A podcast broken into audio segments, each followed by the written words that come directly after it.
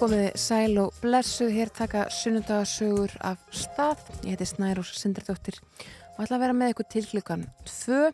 Gestur minn í dag er að þessu sinni Brynhildur Ólafsdóttir, leðsögumæður, fjallagarpur, fjölmiðlakona. Hún er uh, kona með hansi marga hatta.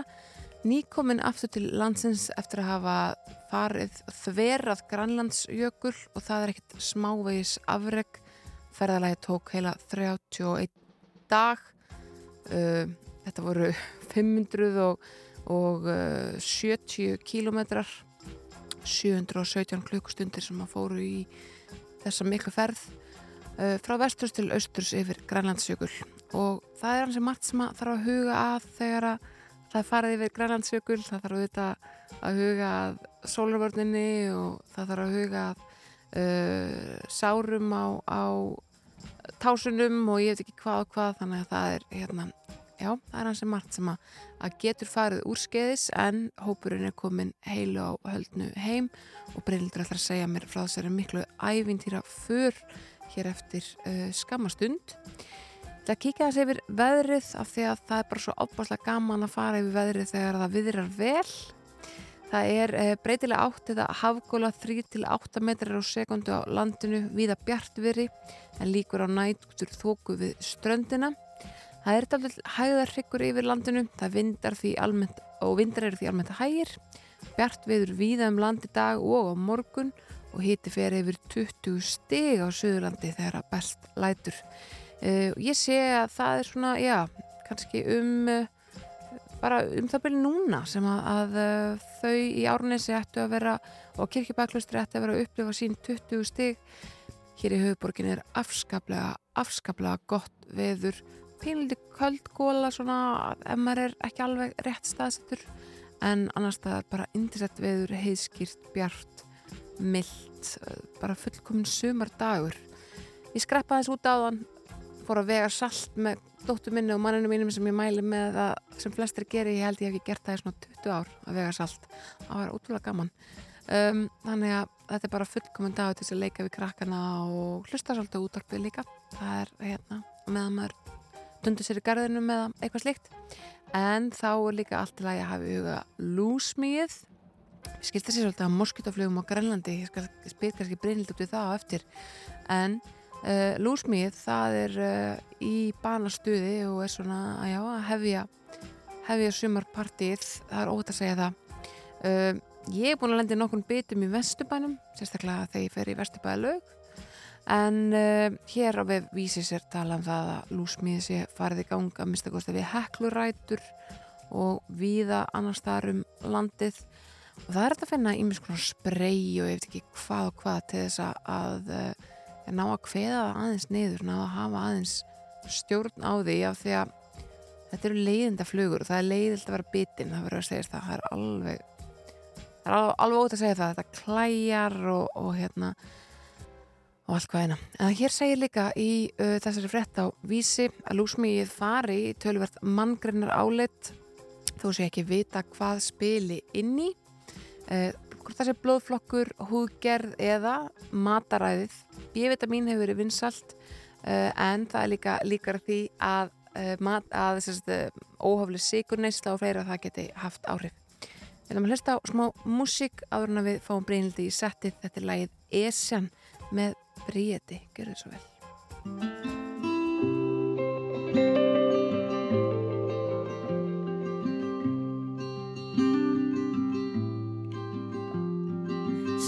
þreytti fætur tóa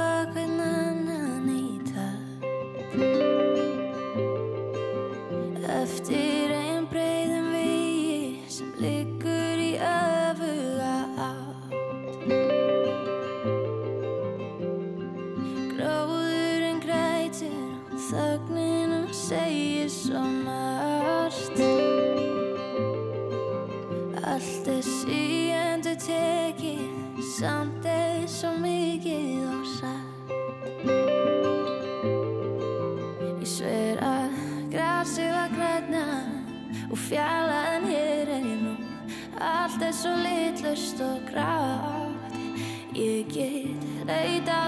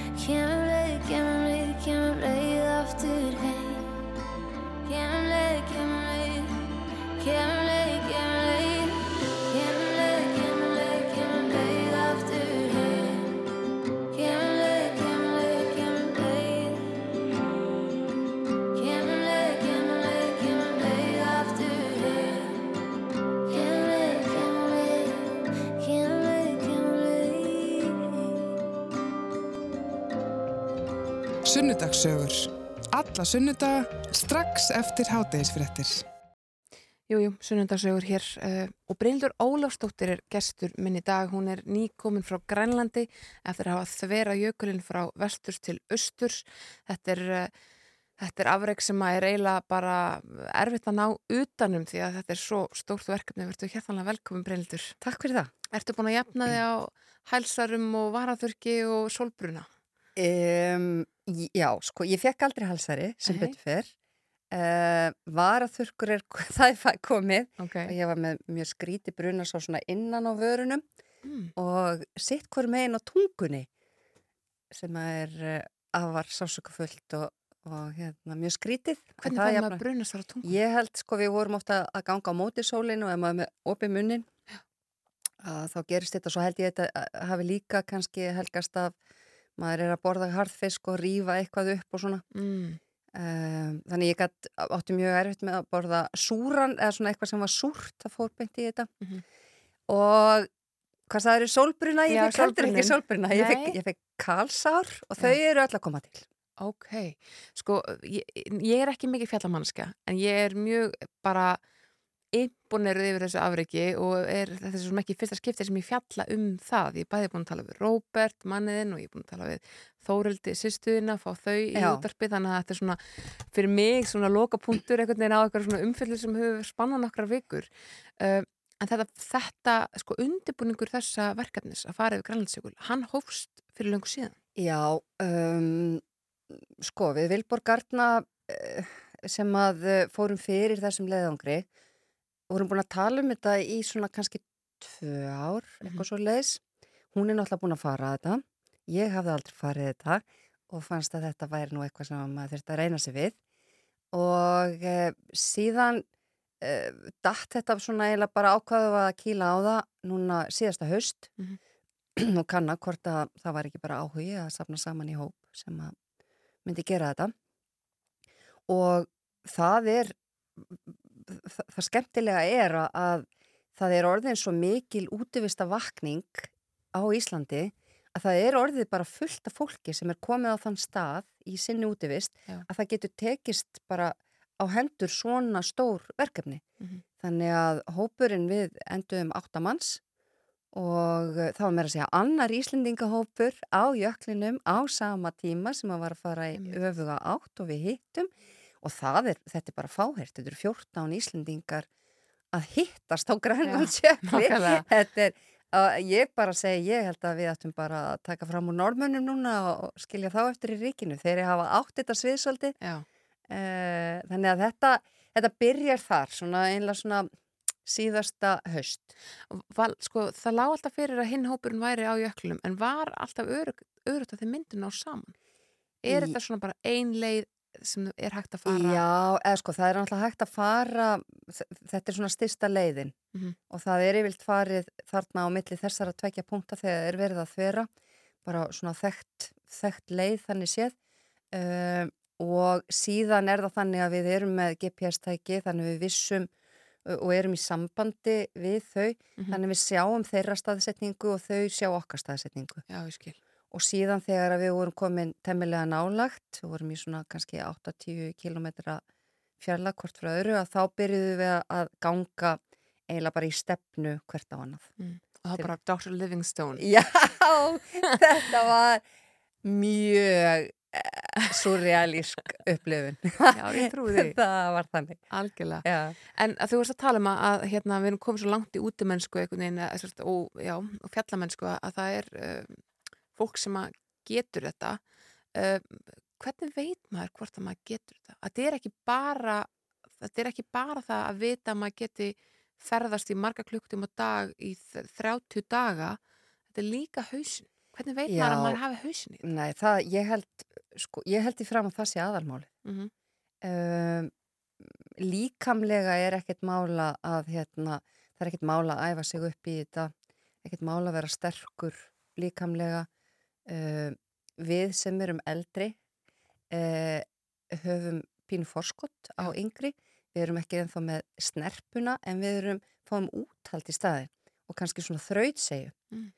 og eigum uh, stundum auðveldara kannski með að setja undir okkur hausinn og og þramma áfram í, í mjög langan tíma. Um, það er eitt af því sem bara kemur með eftir því sem maður lærir betur inn á sjálfan sig. Það er betra að vera 40 en 25 í þessu. Ég veistu það að ég er í svo miklu, miklu betra formi heldur en ég var þegar ég var yngri. Einmitt. Það er bara alveg magnað. Þetta, já, já, það er eiginlega alveg ótrúlegt hvað maður getur haldið áfram að, að hérna, að besta sig á þessu síði, skulle ég segja. En hausinn er þannig að sko, nema maður hafi sko hreinlega bara lent í, hvað var að segja, um, í því að bregðast við um, erfiðum aðstæðum, jafnvel áföllum, veit hvernig, þek, ef maður þekkir inn á sig sjálfan, Mhm. hve- hvernig bregst maður við. Þetta er, eru hluti sem við þurfum að, að, að undibúa vel og þessi hópur gerði það alveg sérstaklega og ég- ég held að þetta sé, þetta er allavega fyrsti svona svona þjálfunin sem ég veit um fyrir svona leðangur að við fórum alveg sérstaklega í gegnum svona uh, markþjálfunaprógram uh, hjá uh, Ragnæði Stefánsdóttur sem að held utanum þetta og við hittum hana og fengum verkefni, við vorum til dæmis að skrifa niður veikleika okkar og styrkleika. Hvernig við myndum bregðast við þegar við værum algjörlega búin á því eða kæmi upp eitthvað, við myndum slasast eða, eða erum bara andlega bara búin með tankin Einmitt. og hvað við vildum þá að hinir vil- myndu segja við okkur. Mm. af því það er til dæmis, það er mjög mismunandi. Mér finnst til dæmis eiginlega algjörlega óþólandi ef að ég á í einhverjum erfileikum og fólk kemur og segir svona ó, er ekki allt í lag eða eitthvað neginn svona. Þetta fer illa í mig sko. ég vil miklu frekar svona, "Hva- komdu, hæ? Já. þú veist, Getur þetta? já, Ánægð? já, Já. svona pínu svona Tough tala, já töflof, nákvæmlega Þetta er svolítið svona svo fæða bann. Það er ekki allar konur sem vilja leta klappa sig áfram eins og maður sé á Já. íþjóttarleik, sko. og þetta er nákvæmlega þannig, maður bara skrifa niður svona uh, hvernig maður heldur að maður muni bregðast við og hvað maður heldur að muni virka Já. og svo þarf maður að muna að vera með einhvers konar möndru eða eitthvað sem maður ætlar að grípa í á verstu stundunum sínum. Hvað ætlar maður að segja við sjálfan sig? Hver voru verst stundina þeinar? Oh. Já, mér finnst mikilvægt að muna það og mér finnst mikilvægt að segja frá því vegna þess að mér finnst um, við oft þetta í þá greifju að einhvern veginn að, svona hetju gera svona það, það fara allir í gegnum erfiðleika þetta er, þetta er bara mjög erfitt Mhm. Þannig að, að hérna, þó að hausin á manni virki þannig að þegar maður kemur niður að þá svona Ah, Þetta var ekkert mál. Þetta verður ekkert er einmitt eins og Einmitt. Ég ekki þetta aftur, Já, ekkert mál. já. En maður þarf að, að setja þetta niður. Ég skrifaði þetta á bók og ég, oft var ég svo örmagna að það eina sem ég skrifaði var örmagna. Mm. Og það er rosalega oft í dagbókinni minni. Og ég, það eru tvær, það eru svona tvö moment sem að, já, kom upp í hugan og í bæði skiptin er, er ég svo örmagna að ég einlega sopna í miðri setningu. Í annarskipti að þá var mér svo kallt að ég var ofin sveppakanum og ég var ekki náðu pita og ég skalf öll og var að tala við tjaldfélaga minn en sopna samt. Einhvern Mhm. veginn. Og, eh, og í hitt, hitt skipti þá líka ég var bara einhvern veginn bara búin á því og, og, og gæti ekki borðað og bara, ég leið bara út af. Þú lendir í því að eiga erfitt með að koma nefn mat, er það ekki? Jú, og það er mjög slæmt vegna þess að það er, alveg, það, er algjör forsenda fyrir því að allt gangi vel er að maður ná að koma orkun í líkamann. Mhm. Þannig getur maður, þú veist, e, e, ef þú nærði ekki orkun í líkamann þá verður þið kallt og þú bara, uh, hausinn, fer, það fer allt, það Einmitt. bara hreinur allt og, og maður þarf að gera þetta bara á svona og mjög reglulega yfir daginn að bara tróða í sig orku. Og það sem gerist er að ég fekk einhverja magakveisu og, uh, og síðan ágerðist það einhvern veginn og maður að draga sleða á maganum þannig séð sko. Já. Þannig að, var alltaf að reyna að íta því niður þannig ég var að draga, draga á lífbeininu en ekki maganum Mhm. og svo bara hætti ég að geta ha- hafa list á mat sem hefur aldrei, bara aldrei komið fyrir mig áður og það er bara eitthvað mjög skrítið. Ég, þeir sem að þekkja mig veit að ég borða allt og ég borða mikið og bara um, og ég fyrirfram hafði ég engar ágjör af þessu, ekki nokkrar einustu að ég get ekki borðað. Þið hefðu þurft hvað, 67 kalorir á dag eða? Já, svona 5-6 um, um, léttasti leiðangusmeðlumurinn uh, var með 4500 en hún er rétt undir 50 kílóum. Já, einmitt. Þannig að það fer pínu eftir auðvitað líka kallkona og svo framvegis Já. og hvernig. Og ég var að meða við að ég væri að borða mikið Mhm. og ég væri að borða svona 5-5500. Þa, þá þarf þá þarf maður að borða mikið. Og þá þarf maður að borða mikið og maður þarf að- vera alltaf að hugsa um þetta og alltaf að reyna að stinga upp í sig. Já. Og svo þegar að, að þetta listaleysi kom síðan í kjölfæri kom svona, byrjaði ég að kúast Mm. og ég mani ég satt líka einu sinni inn í tjaldi með bollan minn og bara kúaðist og kúaðist og kúaðist og kom ekkert upp á mér. Það var líka ekki, ekki góð stund. Já. En þið langaði ekkert er- heim? Það var ekkert, þú varst ekkert að hugsa um bara rúmið þitt og sengina Nei, þina og sturtuna þina og allt þetta sem að, jú, auðvitað, já, en ekki þannig að maður vildi láta ná í sig. nei, einmitt, A- Það kom aldrei. nei.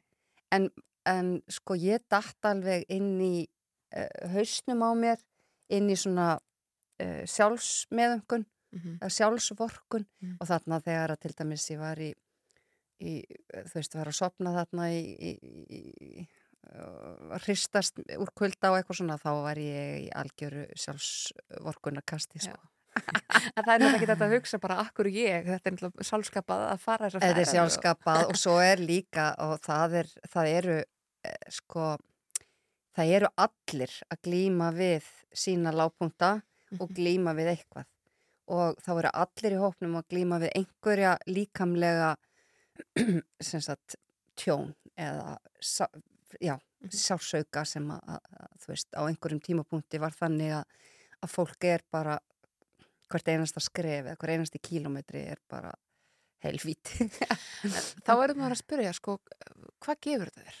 Já, sko, þetta er líka svolítið, svolítið magnað að ég tekið eftir því að við eigum öll pínu erfitt með að svara þessari spurningu af hverju. Mm -hmm. Af hverju gerir fólk þetta og Mhm. gerir sjálfu sér þetta?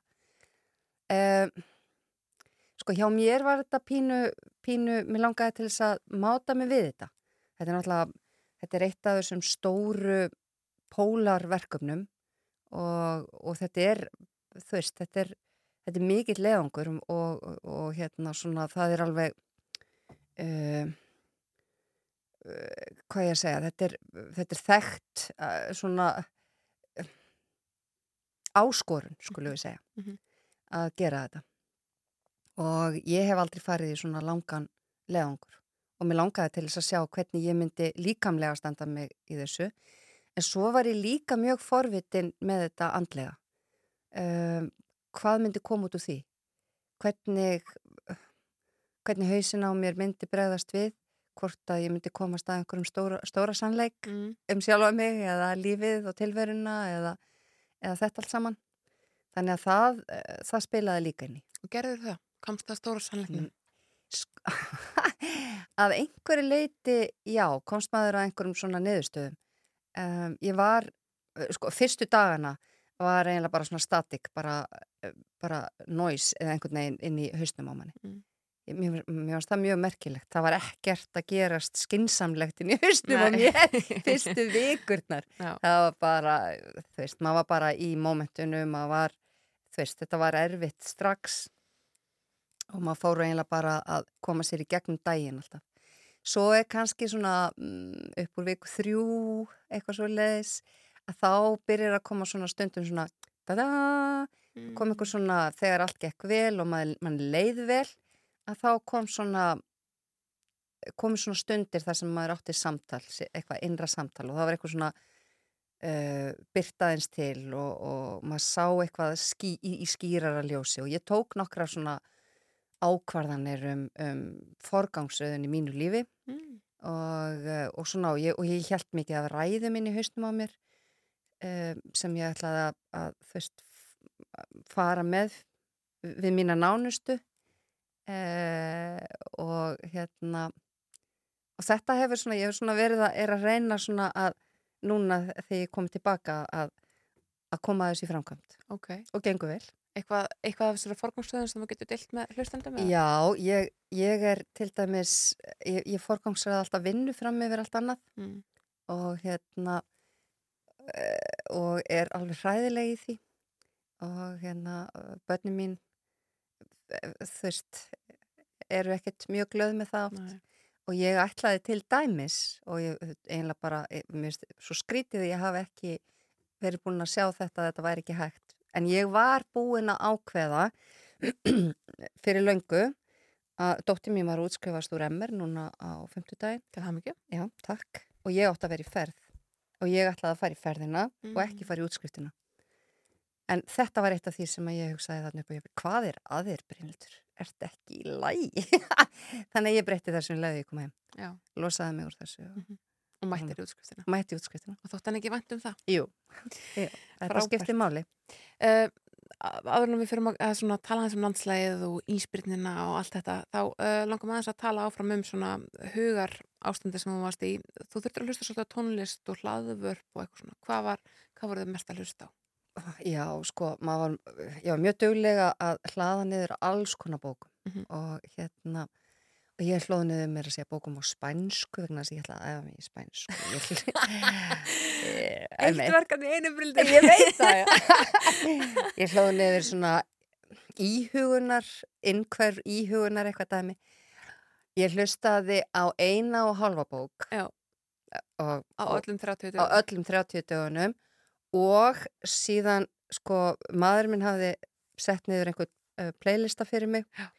og hafði eitthvað misfærist, þannig að bara fyrstu held í 20 lögin þegar komu inn og þegar ég var búin að hlusta þau þrís var þá gæti ég ekki meir. En inn á, hérna, inn á uh, símanu mínum var einhverju hluta vegna hafði tekið uh, sem sagt, það var gömul plata með spilverki þjóðana sem heitir Sturla og ég hlusta á hana sem að ég hafði ekki hlusta í mörg, mörg ár og mér finnst það frábært. Einmitt. það var góð stemning í því. Við slúmum bara að heyra eitt lag af þessari plötu þetta er Sirkus gera smart með spilur sem við þjóðana Ok, 1, 2, 1, 2, 3, 4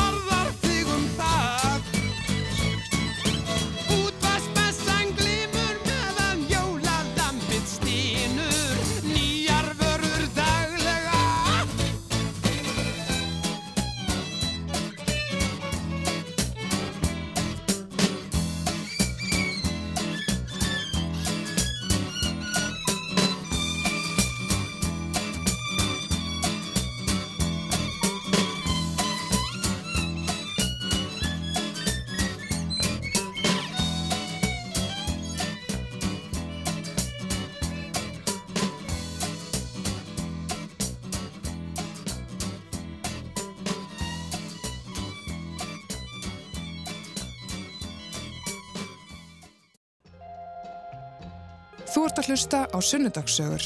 Alla sunnudaga klukkan 12.40 á Rástvö. Jú, áfram höldum við hér í sunnudags sögum. Ég heiti Snærós Sindardóttir og gestum minn í dag er Brynhildur Ólafsdóttir. Hún var enda við að þvera Grænlandsjökul frá vestu til austurs. Hér fyrir þættinum þá vorum við aðeins að tala um bara hugarástandið og, og hvað fer í gegnum einhvern veginn hugan á þessari lungu, rúmlega 30 daga gungu. En við langar aðeins að forutnast um uh, sko líkamlegu hlutina og landslæðið einhvern veginn núna.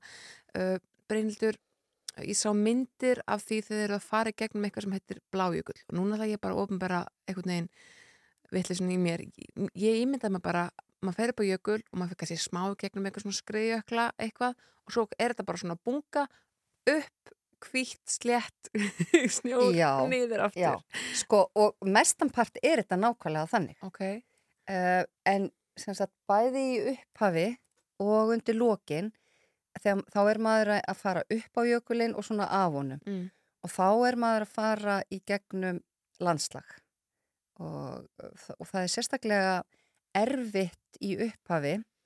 Um, þar er uh, sko þetta er ekki svo mikið skriðjökull heldur meira er þetta svona vassrásir þetta er uh, þarna þar sem við förum upp á hann vestamegin um, og, og þetta er svona bláís uh, og, og gríðarlega há sko að sömri til að þá bráðnar þetta allt saman og það eru bara stöðu vötn sem að skera jökulin alveg í sundur og ár út um allt. Einmitt. Og þá síðan- er ekki hægt að ganga. Þá er ekkert hægt að ganga. Nei. og þess vegna er þetta, það er ákveðið tímabil það sem er bara leifilegt að fara það má bara fara eh, ma það er mánaða tímabil að vori og að hausti Mm.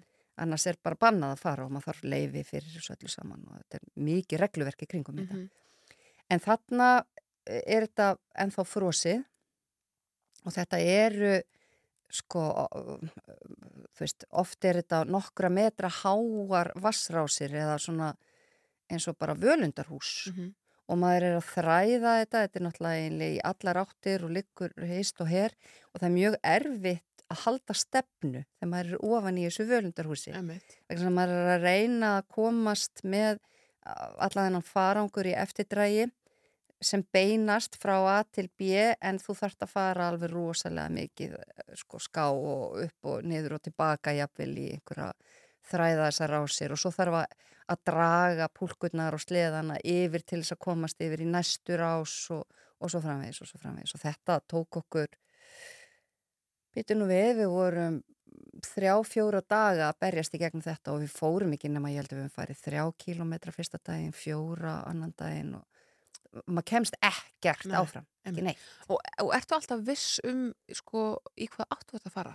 Já, sko maður sér það, maður er náttúrulega með hausin ofan í GPS-tækinu og, og hérna og uh, áttavita og svona og svo er maður að hlaupa upp á næsta hól til þess að sjá, reyna að finna leið í gegnum þetta völundarhús sko sem að uh, tekur minnst á kraftana Mhm. en þetta var bara það var bara erfitt að koma sér þarna í gegn og þarna varu sko til dæmis alla púlkurnar að velta endalust eh, og láta bara illa Mhm, mhm. og þannig að það er líka og svo erum við þetta með þingsta farangurinn akkurat þarna þannig að þetta er þarna- erfitt Þetta, sko, þetta er, þetta er brattar svona snjó, Já. nei, hér vass, rákir uh, og háar bara eins og hús Já. og þeir eru að fara hann upp og niður. Uh, sko, hvernig er að vera með púlkuna fyrir aftan þig? Þurfið ekki að hafa ágjörð því að hún er veru steip ykkur eða... Jú, þetta er, sko, maður þarf að koma sjálfum sér, við, þarna erum við ekki á skíðunum, við erum bara á brottum Já. og erum að draga, draga þetta bara með því að ganga á brottunum og uh, maður þarf að, uh, mjög oft getur maður ekki bara dreigið, dreigið uh, púlkuna á líkamannum, heldur þarf maður að tósi hana líka, Mhm. svo kemur maður yfir einhver, einhverja svona, einhverja öldu og þá þarf að koma púlkunni yfir toppin á öldunni og passa síðan ef þetta hún steipist ekki á eftir manni og felli mann á leðinni niður Mhm. og þannig að þetta, þetta er bara rosalega tímafrekt og þarna erum við og, sko erum gerðan að hjálpa hvert öðru. Þannig að þú veist fyrst fer, þannig að það eru kannski fjórir að hjálpa með eina púlku yfir og svo bara þú veist þarf að- að gera þetta þannig. Þannig að þetta er, þetta tekur tíma þess vegna tekur þetta svona mikið tíma Og þetta landslag lít- lítur að taka stöðum breytingum ár Já. frá ári. þetta er aldrei hægt að það er ekkert hægt að finna leiðina sem að síðan gengur Nei, næstu ár sko e, það væri hægt að finna leiðina þetta árið þú veist kannski e, en þetta er samt á reyfingu Já. og núna til dæmis strax er þetta bara þegar við erum að fara við erum alveg í upphafi þessa tímabil sem að er leifilegt að fara yfir að þá er strax samt sem áður var eh, nokkrum vik, eða einhverjum tíu dögum áður var bráðnun að byrja á jöklinum. En þegar við komum að þá er, er, hérna, er komið uh, gríðalegt kuldatímabil aftur þannig að við sáum aldrei neina bráðnun. Nei, um, þannig að þið voru ekki að ganga í vatni eða eitthvað svo. Nei. Og, og, og annað eins tekur við þegar þið komið niður í jöklunum eða hvað? Já, það er samt sem áður öðruvísi og það er meira svona uh, venjulegur skriðjökull eins og við uh, bara þekkjum hérðan. Já. Og við fórum í gegnum nokkur lítil svona uh, vassrásabelti, ekki beinlinis uh, sprungubelti uh, en maður þarf að, fara réttu leiðina niður til þess að, að, að því að það eru sprungubelti uh, þarna allstaðir kring. Og hvernig, hvernig tjálta maður í þessum aðstæðum, í þessum, þessum Já, vassrásum? við, sko, við þurftum að finna okkur í rauninni bara rás eða svona vassrásar gil, getur maður sagt Já. það. Já, þar sem- sem var nógu breytt og með einhverjum snjó í botni þannig að við gætum sett uh, tjöldin þar niður. Magna, og þetta er, er ofbóðslega fallegt þetta er ofbóðslega fallegt landslag. Blátt allt. já, blátt og, og, og, og svona mikið landslag í þessu sem, er, sem er svo allt öðruvísi síðan þegar maður kemur upp á jökulin sjálfan og öll fjöll hverfa Mm og þetta er bara hvít og ekkert landslag. Sko, svona í aðalatriðum þegar þið komið upp á, upp á jökulin, þá eru þetta að mest pratin að fara upp og svo niður, en, en er þetta einmitt fjöll, eru það að fara kannski bratt upp og svo að smá niður og hvernig, Já, sko, eitt af því sem að, sem að hérna, uh, gerði okkur svolítið lífileitt í þessu var að okkur fannst við vera að fara 30 daga upp í móti og svo uh, kannski halvan dag niður í móti. uh, og það helgast að því, sko, við, e, e, hérna, það er, þetta er bunga Já. í fyrsta lagi, þannig að það er engin, maður stendur ekki á hápunktunum í 2500 metra hæð og, og segir Wú, og nú rennum við okkur niður það er bara ekki þannig eða maður finnur ekkert fyrir því þegar þú ert komin sem sagt á hæsta punkt þið bara sáu það á GPS-tækinu, Já. við erum á topnum. og hérna þa þannig að maður finnur frekar lítið fyrir hækkunum og lækkunum Já. Eh, ég ætla að orða þetta öðruvísi, við, við fundum eiginlega aldrei fyrir lækkunum en okkur fannst við alltaf vera að fara upp í móti. Já. og það, þetta er pínu, þetta er svona lúmst upp í móti. Þannig að maður, eh, þú ert ekki að berjast upp í móti upp í móti heldur er þetta svona sem að upp í móti þannig að þetta læti þið finnast eins og þú sért algjör auðmiki og getur ekki neitt skilur Svona langdreið Langdregið upp í einmitt, móti, já. brekka sem klárast aldrei. Já, og þú ert að draga alltaf upp í móti Einmitt. Það er magna. Uh, en þá eru það á skýðum. Já, þá erum við að skýðum, en það er síðan innan, þú ert að spyrja um sko, hérna, uh, það eru pínu svona öldur í landslæðinu líka Mhm. og hérna, þannig að uh, en, en það eru, eru svakalega stórar Mm. og maður, maður finnur ekkert rosa, maður sér það stundum og uh, reyndar jökul landsla blekkir svo mikið þar sem maður heldur að sé nála til langt í burtu og öfugt. Þannig að maður átti stundum erfitt með að átta sig á því hvort að þetta var upp í móti eða niður í móti eða hvernig að maður sá svona aðeins breytingu framöndan og svo er síðan í nærlandslæginu eru það sem er kallað rifskablar eða sastrúkis sem að eru í rauninni bara svona vindskapnar snjóeldur Mm. og það eru svona snjóeldur á, á miklu minni skala sem eru kannski bara 20 cm háar upp í 50 eitthvað svo leis og þær eru harðar og maður þarf að samt sem áður alltaf að fara yfir og niður, Einmitt. yfir og niður og þá ertu alltaf að draga púlkunniðina yfir þetta og við lendum við lendum í þessu uh, nokkra daga. Þetta er svona alltaf að draga, draga sleða yfir raun eða yfir þúfur eða Já, þetta er ekki þessi stöðu í dráttur sem er au- miklu auðveldari heldur, kemur alltaf eitthvað svona högg þar sem þú þarfst að leggja eitthvað á þú þarfst að tósa sérstaklega til þess að ná því yfir ölduna. Og það letur að vera erftur að axlir og bak og svona þetta högg. Já, þetta er eitt af því sem að maður þarf að, að æfa svolítið fyrir, er að æfa bak og, og vera að passa hvernig maður stillir, við eh, dróum flest á bakpoka Mm. en svo er líka til svona dráttabelti og uh, maður þarf að stilla þetta rétt þannig að átaki komi rétt Mhm. og passa þetta mjög vel uh, að maður sé ekki fá í, í uh, mjóbak og svona. En að þú nefndir sprungur hérna á hann, fyrir mig sem að hef aldrei verið á jökli þá einhvern veginn, en hefur séð svolítið að þú veist, lesi andrisblöð og, veginn ímynda mér sér að það geti bara opnast sprungur fyrir neðan fætumanns bara í hverju skrefi á svona jökli. Nei, sko, um, tímabilið fyrir það fyrsta núna að um, þá eru þær, um, það er nógu snemt til þess að þær eru flestar fullar Mhm. af snjó Mhm. og með snjóbrúm Mhm. yfir góðum. Um, síðan þegar líður á sumarið og, og sólinn bræðir að þá koma þær betur í ljós og, og hérna, snjóbrýr gefa sig og svo framvegis. E, að, að, annan stað að þá er rosalega mikill munur að vera fótgangandi versus að vera á skýðum. Mm. Af því þú ert á skýðum þá dreifuru þingdini uh, svo vel að uh, þú ert ekki með sama hvað að segja, kraft til þess að brjótast niður úr sprungum. Ömmit. og það, það munar mjög, mjög miklu.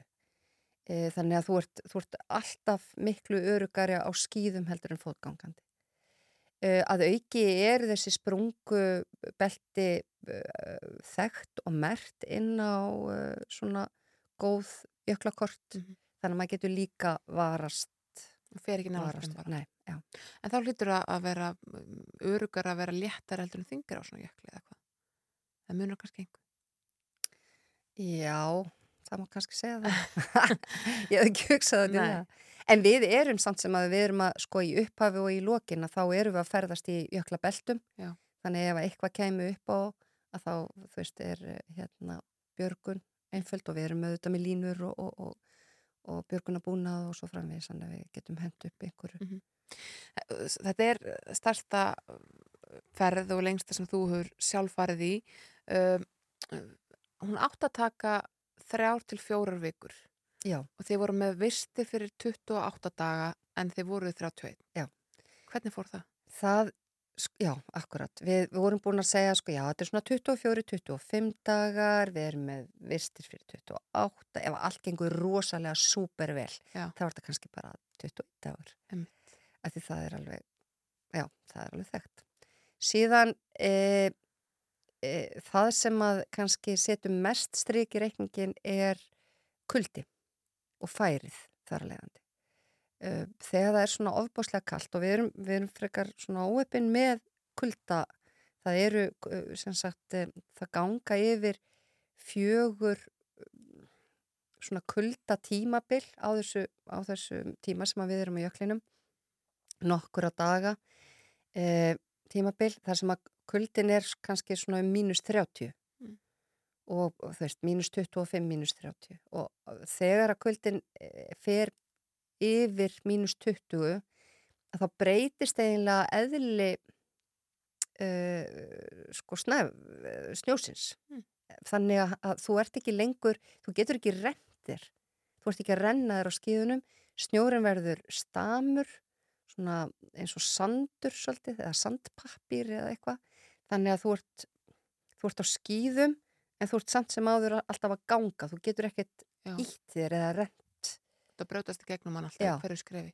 og það uh, setti setti töluvert strik í, í Mhm. reikningin hjá okkur við einhvern veginn vorum áttum alltaf vona því til dæmis eftir hábunguna að við gætum farið uh, að taka svona fleiri 30 km pluss daga Mm. En við náðum, náðum því held ég einu sinni eða tvísvar en annars bara að því að við lentum bæði í þessu svakalega stamafæri og svo í þessum rifskabla uh, sastrúkis dæmi þannig að það, það lagðist ekkert með okkur, það var allt við þurfum að hafa fyrir þessu öllu saman. En, en hvernig?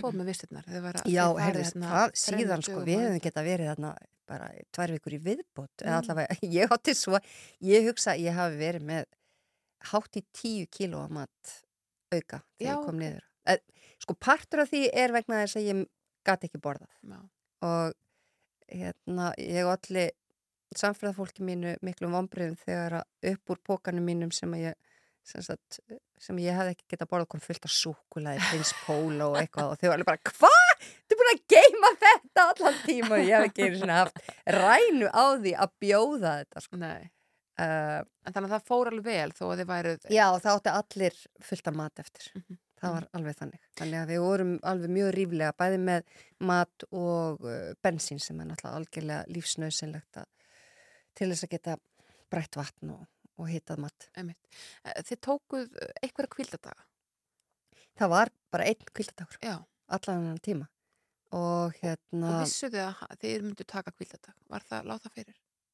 já sko það er, það er ekki planað að taka kvildadag nema þegar kemur veður. Mm.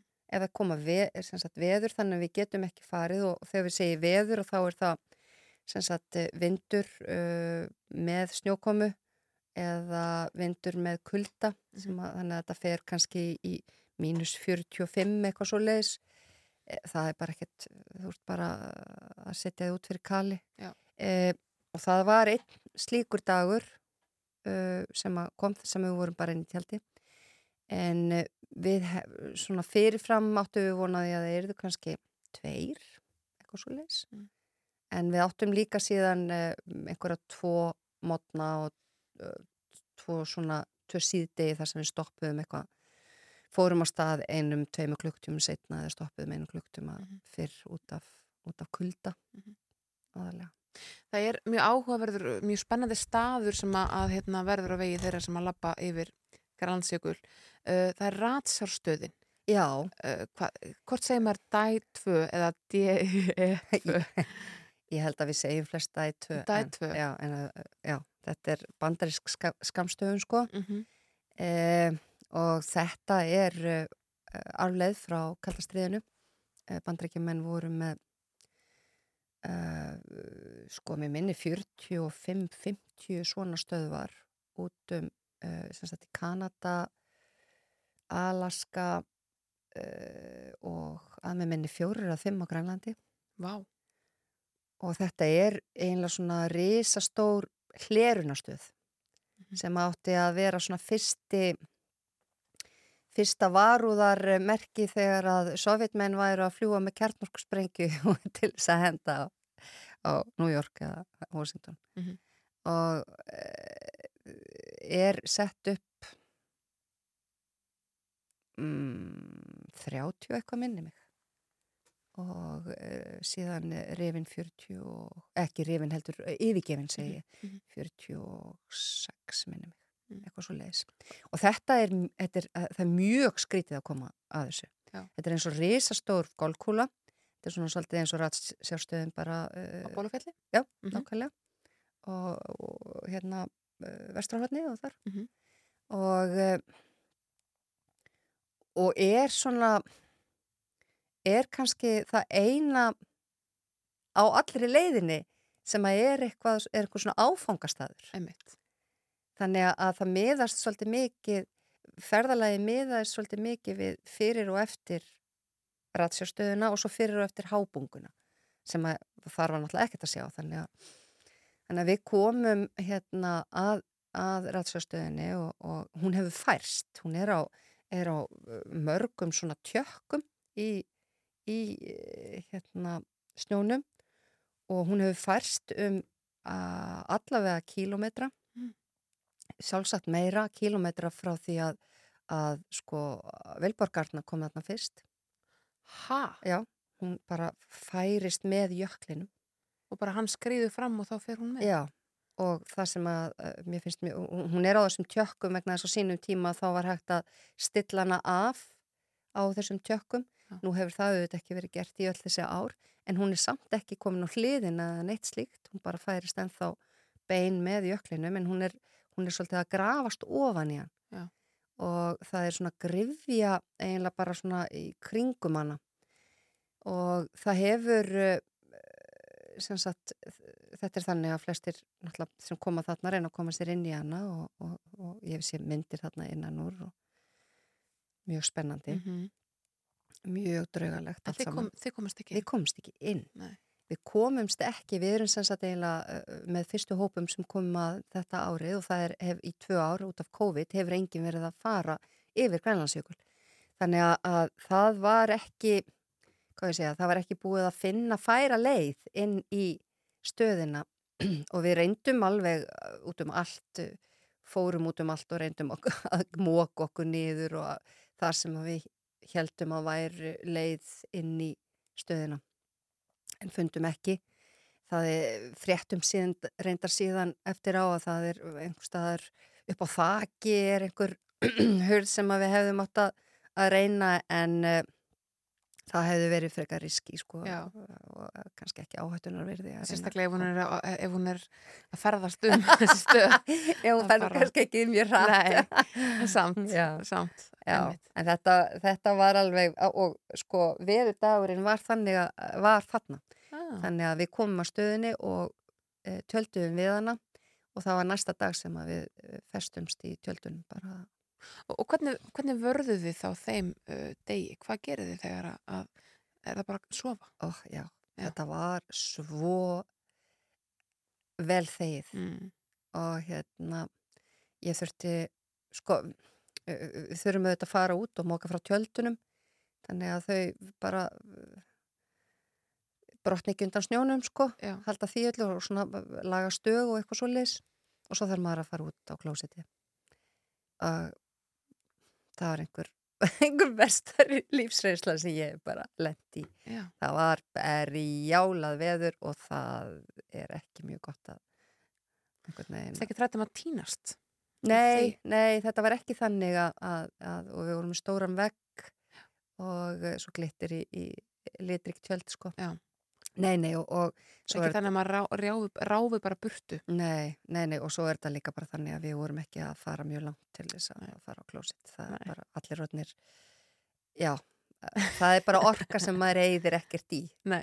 Allir vinir bara og maður bara horfir eitthvað annað. En kannski af því að ég spurði aðeins um þetta, eh, maður ráfa burt og, og svo framvegs, varst ekkert maður hrætt á þessari ferð? Nei. Mm, nei, ég var aldrei hrætt. Aldrei óttaslegin um íspjötn eða, Nei, eða þið varu tínd eða... nei. Nei, maður týnist ekki, sko. Þú ert náttúrulega bara, um, uh, þú ert inn í bara hvítu landslægi þar sem allt er eins. Já. En þú veist alltaf hvar þú ert. Við vorum öll með GPS-tæki, við vorum öll skilur alveg, já, þú veist hvar þú ert, Mhm. þó að það sé ekkert sem að, að hérna, segi þér það. En þið voru tilbúin að hitta íspjötn. Já, það, og það er eitt af því sem að maður verður að, að gera. Um, það er að, til þess að bara fá þetta leiðangusleifi, er að maður þarf að vera með íspjarnavarnir og þannig að við vorum öll með flautur og öll með blís og svo vorum við með eh, byssu ef að allt um þrítur. Þannig að maður reynir ef að maður hittir íspjörn að bara hræðin í burtu. Íspjörnir er ekkert, þeim langar ekkert til þess að hitta þig nema þeir séu bara aðframkomnir á hungri. Mhm. Þeir ráðast ekki á fólk öðruvísi, þeir eru bara, vil, vilja það ekki. Einmitt. Uh, þannig að ef að þeir eru bara forvitnir þá er ekkert mála að, að hræða þá í burtu með háfaða og, og blissi og, eitthvað svo leis. En ef að þeir eru í, í árásarhuga, þeir eru bara aðframkomnir, að, að þá er stundum að eina sem að gildir er að, er að skjóta. Og mér er svolítið merkilega þessi regla, það er einhver regla í gangi sem ég heyrði. Það er að þú setur þumalinn á þér, setur hendina beint út og horfur á þumalinn á þér. Og ef að íspjötnin er orðin stærri eða jafnstór þumlunum á þér, þá þarf þetta að fara að skjóta. Hann er svo fljótur í förum, hann, hann leipir svo rætt. Þá er hann orðin, þá er komin á nálagt Þá er hann að þú kominn Emmitt. En við, eh, sko, sko það er náttúrulega bara íspyrnir á jöðrunum, Mhm. er engi, íspyrnir hafa ekkert að sækja upp á hájökulinn, það er ek, ekkert fæði og ekkert að hafa og það er ekkert líf, ekkert. Uh, þannig að uh, það er ekkert, uh, sem sagt, og hann er aðalega austamegin. Mm. Og það sem gerist er að þegar að við erum á leiðinni niður á jöklinum, að ég, og, og erum loksins farin að fara niður í móti og á tímabili svo hratt að ég enda sendist eh, datt um púlkuna hjá mér og enda sendist á hausinn og eitthvað og, og, og það kemur uh, eitt félagi minn og hjálpa mér á fætur og, og þá hafði ég bara dottið beint ofan í íspjarnar spór og það var það var svolítið svona uh, Smá hrætt þá. Nei, veistu það? En það var, það var óvænt vegna þess að það er ekki margir sem að rekast á íspjarnaspor Emmitt. þetta var, við áttum 25 km eftir niður á jöklinum og þetta voru stórspor. Það voru alveg af uh, stóru fullárnu dýri þetta voru verið, já, kalldýr uh, en hann var á leiðinu upp á jökul. Hann var ekki leiðinu niður, ekki sömu átt og við. Um, en hins vegar um, fréttu við, sko, svo komum við niður á jöklinum og, og þar þurftu við að býða og þá, þá fréttu við alls konar íspjarnar sögur, sko Mhm. sem að voru nýbúinir að gerast þarna á þessu svæði Úf. Uh, Brynildur Ólarsdóttir hér eftir skamstund alltaf ég að spella hans við um bara, já, hvað þessi æfintýra þrá tekur enda. Ég held að það sé mjög tilvalið og, og viðeigandi að hlusta á Ain't No Mountain High Enough með Marvin Gaye þangað til.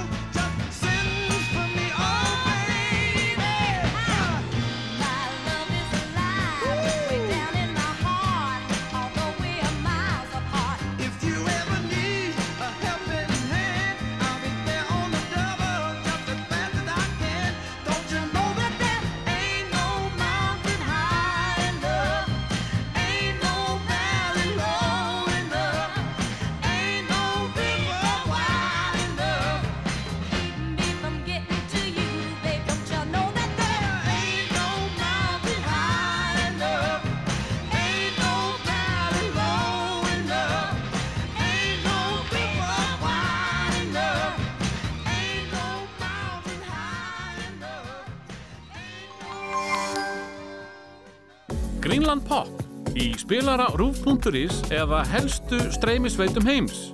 Svo hérna er ég eitthvað að hommast þarna í New York í hot pants og nýþröngum ból og army boots að strolla niður stræt í New York Óttar Proppi og Björn Blöndal í ham og sátu þarna við eitthvað kaffibord út á gangstétt sem ég er eitthvað að strolla í þessu lúki og Óttar Proppi kuð hafa sagt þessu gauður þarna hinum með guttuna er þetta ekki, er þetta ekki Pállóska og þá gellur í, í Byrni Blöndal ég burt sér frá því hvað þetta er eða hver þetta er þá er þetta alveg áræðanlega kynvillingur Hlustaðu á Greenland Pop, nýr þáttur á miðugudaginn. Þú ert að hlusta á Sunnudagssögur. Alla sunnudaga klukkan 12.40 á Rástvö. Já, og ég heiti Snærós Sindardóttir og gestur minn í dag er Brynildur Ólafsdóttir. Hún var að klára að þvera Grænlandsjökur eins og við höfum verið að fara rækilega yfir. Við vorum að tala um íspyrni hér fyrir uh, lag og, og ölsingar. Sko, uh, Brynildur, þegar heyrðu það þessi íspjörn sem að, að uh, já, þú lendur hún í spórunum hjá. Kanski var, að, það var eitthvað sem að skauta hana eitthvað. Sko, við vitum ekki hvort það var hann, Nei, nei. en þegar við komum niður á jöklinum og, og við- við setjum upp tjaldbúðir bara við jökuljáðarinn að um, þá sko, það átti að koma þyrlan á í okkur tókst við þurftum að býða í tvo sólarhinga út af veðri það var bara blinda þoka. Þá fréttum við sem sagt af því að, að daginn áður en við komum niður hafi e, íspjörn veðist akkurat þarna þar sem við komum niður og við erum auðvitað með íspjörnavaktir þessar tvo sólarhinga og tvö saman í tvo klukktíma í einu. En Bara eins og í bíómyndunum að sem við sátu bara með með Retisjun ykkar bara þannig og blissinn tilbúinn og eitthvað svona og horfðum í sitt hver áttina og það var eitt sem kunna bissu og, og, og, veist, og eitthvað svona. En það var svo, það var svo mikið þoka að við vorum átt að grunast með að það getur verið 20 íspilnir en allt í kringum okkur sáum ekki nei Nei. en síðan um, þegar við sem sagt, þyrla næri í okkur þá þurftum við að skilja eftir uh, smá dót á jöklinum sem við fengum veðimann frá næsta þorpi Ísotok til þess að koma ná í fyrir okkur og hann gerir það samdægurs eh, sama dag og, og við förum af jöklinum. Akkur þurftu að skilja eftir Það var ekki pláss í þyrlinu. ah. Við vorum uh, lítil þyrla og, og við vorum með veist, alla þessa púlkur og allt þetta dót Mhm. sko. En hann kemur með hundana sína og hundasleðanum sínum og þeir bara eh, bilast vegna þess að þeir finna lykt og eitthvað og hann segir það er bara, það er íspjörnina. Einmitt. Uh, nú hef ég ekki frétt hvort að hvað ég á eftir að heyra hvort að, að það hafi veist einhverjir fleiri þarna. En það er alveg líkur að því að þarna hafi verið eitthvað einhverjir Einhver fleiri kannski Magna. Sko þetta er eh, eins og ég svona raktaði hérna upp að þetta er algjört afreg og þú ert að tala um að, að, þú vonaðist eitthvað liti til að, að hérna að svona reyna á mörk þín í sér að ferð og, og finna hvar einhvern veginn, hvað getur. Uh, hvort er þessi ferð, sko hvort hafum þau áhrif og þau segir, er þetta er bara toppurinn og nú ætla ég bara að vera hérna innanlands og ganga mestalega í laugavegin eða upp á ESU eða úlvarsfell jafnvel eða ertu farin að hugsa bara um næsta verkefni og langur að reyna ennþá betra á því og hvar endar það, Bryndur? Sko, ég skal alveg viðkynna það að á lágpunktu mínum upp á jöklinum hugsaði ég nei Brynildur, nú ertu hætt Já. þetta er búið hvað ertu að gera nú bara þar, þú þarft ekki að gera svona meira Nei. um, svo, svo tekur eh, þetta líffæri heilin við og, og, og, og eh, já, og breytir þessu öllu og þetta verður að bara um, maður gleymir erfileikunum Mm. og langar bara í meira um, ég hins vegar sko það, það sko að minnstakosti tveir af samferðamönnum mínum bara komið niður á jökli og bara uh, já, nú næsta stopp bara suðupólinn, Já, það var þannig. það var þannig Ok. ég er ekki þar Nei. um, mér langar aftur til Grænlands langar til þess að fara á fjöll þar Mhm. Grænland er ægifagur það er, það er, þetta er bara fallegasta sem ég bara séð Mm. það er ofbóðuslega fallegt að- land og að ferðast þarna og samfélagin þarna. Um, um, það er á plani að fara til Himalaya eitthvað í haust og eitthvað að skoða sig um og kannski fara á einhver fjöll. Everest. Nei, nei, en, en eitthvað svona. Og hérna, og vonandi verður það. Og svo bara, já, ég, ég er er ekkit rosalega mikil svona, ég þarf að komast á hæsta eða ég þarf að, ekki þannig. Nei. En mér langar bara, mér finnst ferðalögin bara skemmtileg. Mm. Mér finnst það, og þess vegna þarf ég heldur aldrei að gera sömu hlutina tvísvar. Þú vilt meira fara eitthvað svona ávalt og langt heldur en hátt. já, hátt er ágætt, en, ég, en þú veist, Everest hefur til dæmis aldrei tóið í mig. Nei. Uh, já, það er bara kannski líka of mikið af fólki þar eða eitthvað, ég veit það ekki. Mm -hmm. Um, já, ég ætla bara að halda áfram að gera e eitthvað nýtt og spennandi. En þessi fjallabakteri, hún, þetta bara er þér, hún, bara, þú veist hann í vöggugjöf frá grundafyrði. Já, já. Hvernig, eh, sko, já, þú veist, hvenær verður þetta að þessum lífstíl? Bara þetta er atvinna þín og áhuga málið þitt Já. og eitthvað sem þú kannski forgangsvæðstundum aðeins og ofalega og Mhm. allt það. Hvað er, Sko ég er náttúrulega, þetta var alveg stórt stökk á sínum tíma að gera áhugamálið að atvinninni. Já. Ég held að það myndi mögulega að drepa áhugan. Um, en svo gerist það ekki og ég held líka að líkillina því sé að, að fara ekki að vera í einhverju groundhog skilur, að vera alltaf að leiðsegja upp á sama fjallið eða sama jökulinn eða gera alltaf það sama heldur að, að vera bara í mjög fjölbreyttu og vera líka þú veist, fá útrást fyrir eigin þörf Mm. eða eigin löngun og, og, hérna, og, og uh, ég bý svo vel að, að sko að hérna, ég fæ alveg skriljón hugmyndir af, af, af skemmtilegum ferðalögum og þú veist, langar að pröfa þetta þarna og aðtóa hvort það sé hægt að koma. Og svo er bara hópur af fólki sem er til í að koma með mér í alls konar svona. Og það er svo frábært. Þetta er Mhm. bara hérna, að geta gert þetta Já. svona. Þannig að maður sé maður sé alltaf svolítið að, að skoða nýtt og halda sér á tánum. Eh, finna nýja leiðir og staði og eitthvað bara, já, auðra sér þannig að grannaldsögullur er ekki, þú veit ekki, hægt, en það er ekki, sko, Þetta er ekki upphafið að einhverju einhver svona Nei. brjálæði. Nei, nei, ég finn það alveg, ég, ég þarf þess ekki. Um, þetta er kannski algjört metnaðalesi hjá mér. En, hva, sko, en er eitthvað lína sem hún dregur? Er, ég meina, eru sumarferðir bara þannig að það Já. hafa bara ómargir dáið að leiði Já, þannig að þú já. færir ekki þangað? Ég dreg alveg þannig. Já. Um, það er, og kannski, kannski er þetta, ef ég treysti, treysti svolítið bara hvernig mér líður gagvart fjallinu. Mm. um, ef að mér líður að því ég er, ég er alveg hérna, ég veit alveg hvað loftræðsla er til dæmis Mhm. og hún svona uh, gengur í svona smá bylgjum hjá mér. Og uh, stundum er ég finn ég ekki mikið fyrir henni stundum finn ég mikið fyrir henni. Uh, og hérna og ég vinn með hana líka þannig að hún segir mér hvað ég get farið og hvernig mér líður gagvart þú veist, ég, það er eitthvað í mér sem stoppar sem ég hef hlusta á. Ég hef einu sinni ekki hlusta á það og lendi í vesinni og eftir það hef ég held að hlusta Hvað, hvað var það?